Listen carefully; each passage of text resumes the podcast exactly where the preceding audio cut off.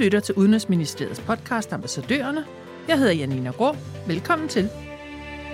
I løbet af december kan du høre i alt tre podcast i Udenrigsministeriets podcastserie Ambassadørerne. Vi taler med ambassadører i nogle af tidens fokusområder, nemlig Ukraine, Etiopien og Storbritannien. Vi koncentrerer os om de vigtigste begivenheder i 2021 i de tre lande, heriblandt borgerkrig, krig, trusler om handelskrig, covid-19, hungersnød og varemangel. Og så beder vi ambassadørerne komme med deres bud på, hvad der kommer til at ske i 2022. Vi starter i Ukraine hos den danske ambassadør Ole Eber Mikkelsen. I 1954 fik Sovjetrepubliken Ukraine tildelt Krimhaløen fra Sovjetrepubliken Rusland. Halvøen fortsatte som en del af det selvstændige Ukraine efter Sovjetunionens opløsning i 1991. I vinteren 2013 udbrød der uroligheder i Ukraine, og i 2014 blev den russisk-venlige præsident Janukovic afsat efter den såkaldte Majdan-revolution i Ukraine og erstattet med en midlertidig pro-europæisk præsident. I marts samme år reagerede Rusland på revolutionen ved at annektere Krimhaløen. Samtidig tog russisk støttet oprør magten i de to områder i Øst-Ukraine, Luhansk og Donetsk, og udråbte såkaldte folkerepublikker, som ikke er anerkendte internationalt. Siden da har de to lande ligget i åben krig og konflikt. For nylig kom det frem, at Rusland nu har den største koncentration af soldater ved grænsen til Ukraine siden starten af konflikten i 2014. Krigen og konflikterne som sådan er bredt dækket i danske medier, så her fokuserer vi på, hvordan ukrainerne takler at leve med den. Holder alle vejret, eller fortsætter politik og samfundsudviklingen, der blev sat i gang i 2014? Det skal vi høre om nu. Velkommen til dig, Ole Eber Mikkelsen, som er med på telefon fra Ukraines hovedstad Kiev. Tak for det. Inden vi tager hul på årets begivenheder, tænker jeg, at det kunne være fint med et kort ris af årsagerne til konflikten mellem Ukraine og Rusland. Vil du ikke starte der? Jo, og der kan man sige, at der er flere lag i det. Den sådan helt umiddelbare øh, årsag, det er jo øh, øh, Ruslands øh, ulovlige annektering af Krimhalvøen, der skete i øh, 2014, øh, og, og samtidig med det øh, øh, overtog øh, russisk støttede separatister jo magten i to øh, provinser i øh, den østlige del af Ukraine, øh, og øh, i det område, som, som en del øh, øh, vil høre omtalt som, øh, som Donbass. Og, så, og det er det er sådan den, den helt umiddelbare øh, baggrund for det, og det er jo en konflikt, som sådan set øh, har foregået lige siden, øh, og det hører man ikke så meget om i, i Danmark efterhånden, men, men siden øh, 2014 er der faktisk øh, øh næsten 14.000 ukrainer, der har mistet livet, så, så det er for øh, alle ukrainere en, en meget nærværende øh, konflikt, og hvis man er i tvivl om det, så kan man her i uh, Kiev uh, gå ned til uh, St. Michaels uh, katedralen, og der er simpelthen en helt væg med, med, med, um, med opslag hver eneste gang en, en ukrainer mister uh, livet. Uh, det er jo mest uh, unge mænd, så uh, kommer uh, familien ned og sætter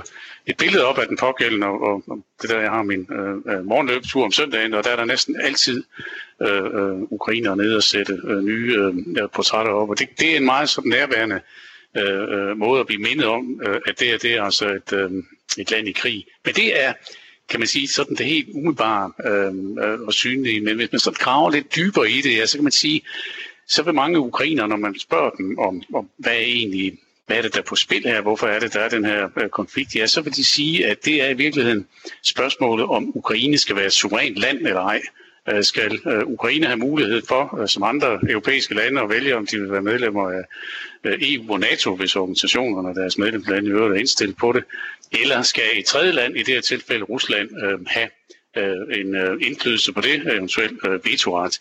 Det er i virkeligheden, kan man sige, kernen i det, og det, det er virkelig det, ukrainerne kæmper for. Det tror jeg, man, det er det svar, man får med lidt forskellige betoninger selvfølgelig, men, men det tror jeg er sådan den, den helt grundlæggende øh, øh, årsag, øh, som ukrainerne selv vil pege på i, øh, i beskrivelsen af, hvorfor der er den her konflikt. Øhm, og det er jo noget, der går tilbage til Ukraines øh, lange og dramatiske historie. Det er jo en nation, som i, i, i lange, lange perioder, flere århundreder, har været øh, opslugt af andre øh, med andre lande. Senest øh, øh, var det jo en del af øh, Sovjetunionen, så, så det er ikke et land, øh, der, hvad skal man sige, hvis suverænitet og frihed er en given ting, at ukrainerne ved øh, fra deres historie, at det er, øh, det er noget, som, som man skal kæmpe for. Så det er nok sådan øh, helt overordnet set det, der er baggrunden for den øh, konflikt, som, øh, som øh, de fleste danskere jo øh, hører om jævnligt, i, øh, også i danske medier.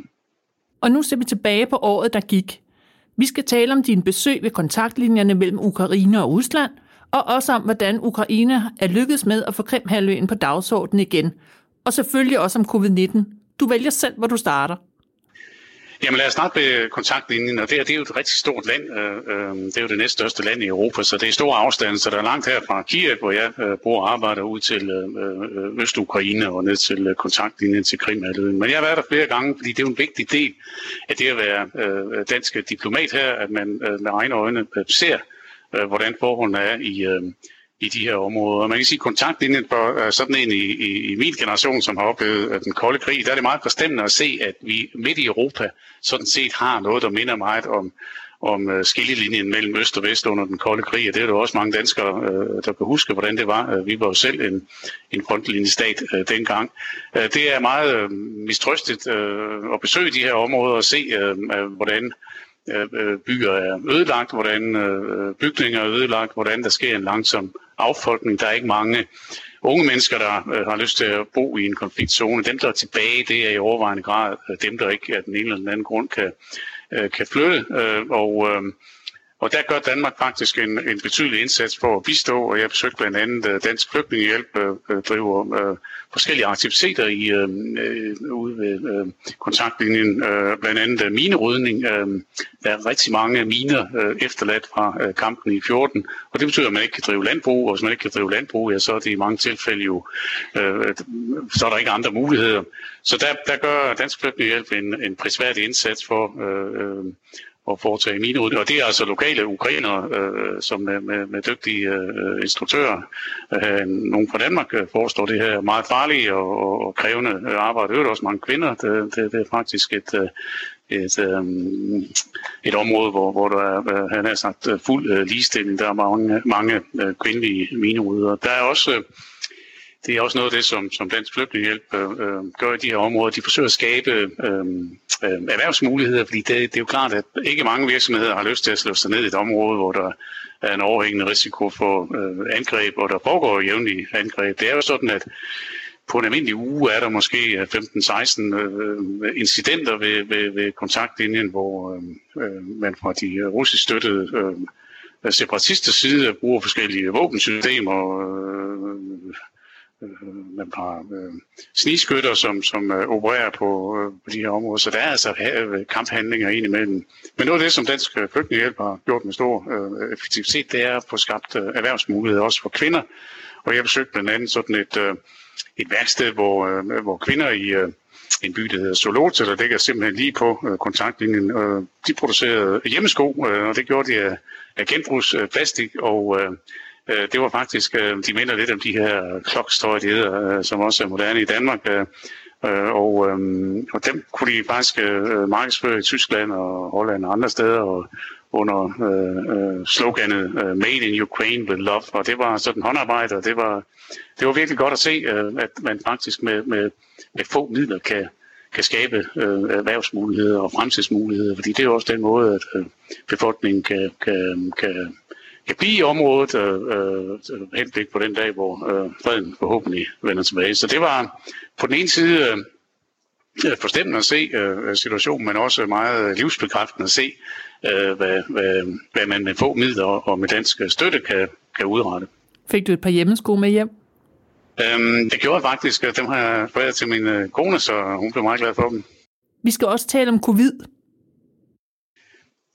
Jamen, Ukraine har ligesom øh, andre europæiske lande været igennem øh, forskellige faser. Vi er faktisk nu i øh, det, man hernede kalder fjerde fase, øh, og den er så småt ved at, at toppe, og den klinger også øh, heldigvis øh, af. Øh, og øh, det, der er udfordringen hernede, er jo, øh, øh at det er relativt få, der er vaccineret. Det er kun øh, godt øh, 30 procent øh, på nuværende tidspunkt.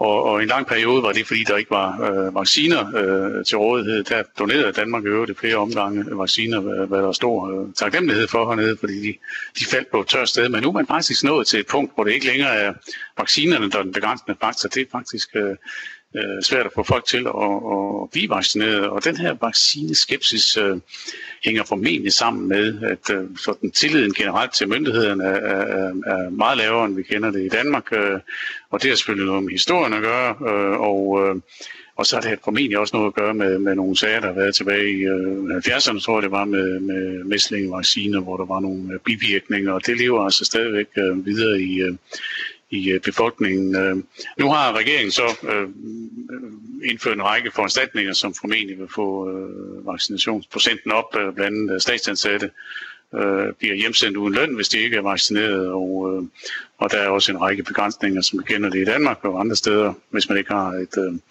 et øh, covid-pas, så er der mange ting, der ikke kan lade sig gøre. Så, så det vil forhåbentlig få, øh, få situationen, øh, øh eller få antallet af vaccinerede øh, væsentligt op i den kommende tid. Øh, og det er der selvfølgelig øh, brug for, så, så ukrainerne kan komme tilbage til en, en, en hverdag øh, uden alt for mange restriktioner. Det er jo et land, som ikke har Øh, de muligheder, vi har i Danmark for at øh, have hjælpepakker osv., så, videre, så der har været øh, ganske store øh, problemer for småhandlende og øh, erhvervsdrivende, som, som øh, øh, har måttet lukke øh, forretningen eller virksomheden i en periode, og der kommer altså ikke lige en cirka ind ad døren. Øh, så, så det er noget, der rammer, der rammer ganske hårdt.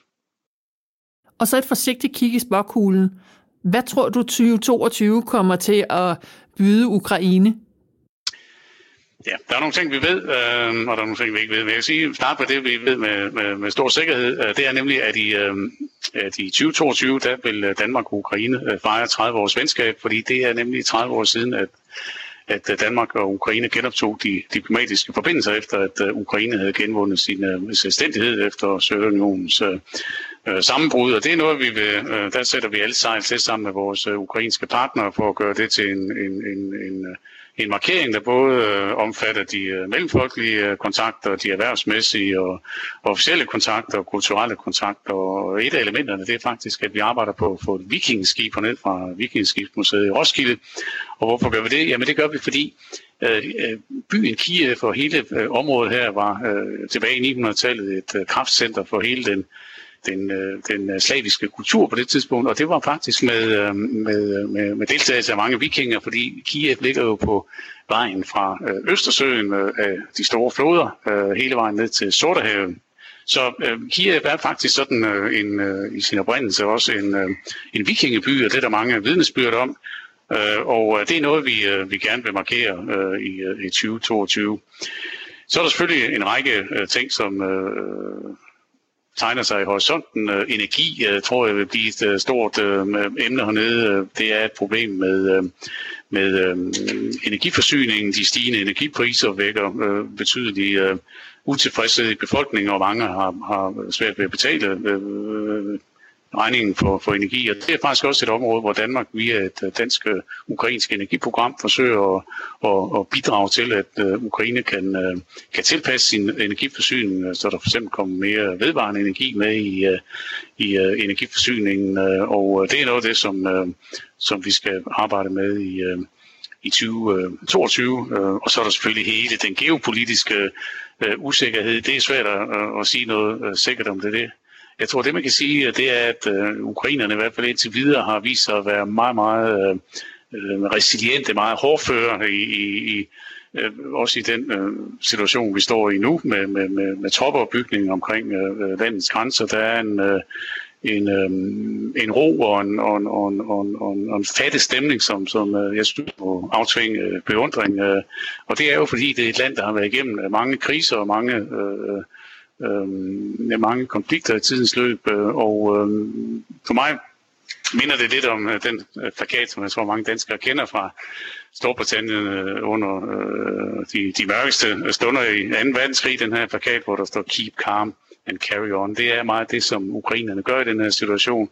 Og så gør de også noget andet. Der, der, er, meget, øh, der er meget livsglæde hernede, og det tror jeg, og det mærker man sådan... Øh, øh, unge mennesker øh, går i byen om aftenen, og der er masser af folk på restauranter og så videre. Jeg tror, det har lidt at gøre med den her stemning, der, har, der tit er med, at man ved ikke, hvad morgendagen bringer, den kan godt bringe øh, dårlige nyheder, så, så det er med at nyde livet, mens, øh, mens man kan. Øh, og det øh, synes jeg egentlig er, er, er prisværdigt at, at mærke den her på den ene side ro, og så også øh, den her livsglæde, der er på, øh, på rigtig mange punkter. Her til sidst så prøver vi at gå til et andet og langt mere fredeligt emne, nemlig juletraditioner. Jeg har snydt en anelse og på forhånd bedt dig finde Ukraines mest spændende juletradition. Og hvad er det så? Jamen, øh, der hvor det adskiller sig fra, øh, fra vores øh, jul, det er jo, at det falder på et andet tidspunkt, fordi øh, vi er jo i, øh, i den... Øh, i den slaviske verden, vi er i den, øh, den, øh, den østlige kirke, og her har man altså et kirkeår, der, der er lidt forskudt fra det, vi øh, kender, så man, man fejrer faktisk først juleaften den 6.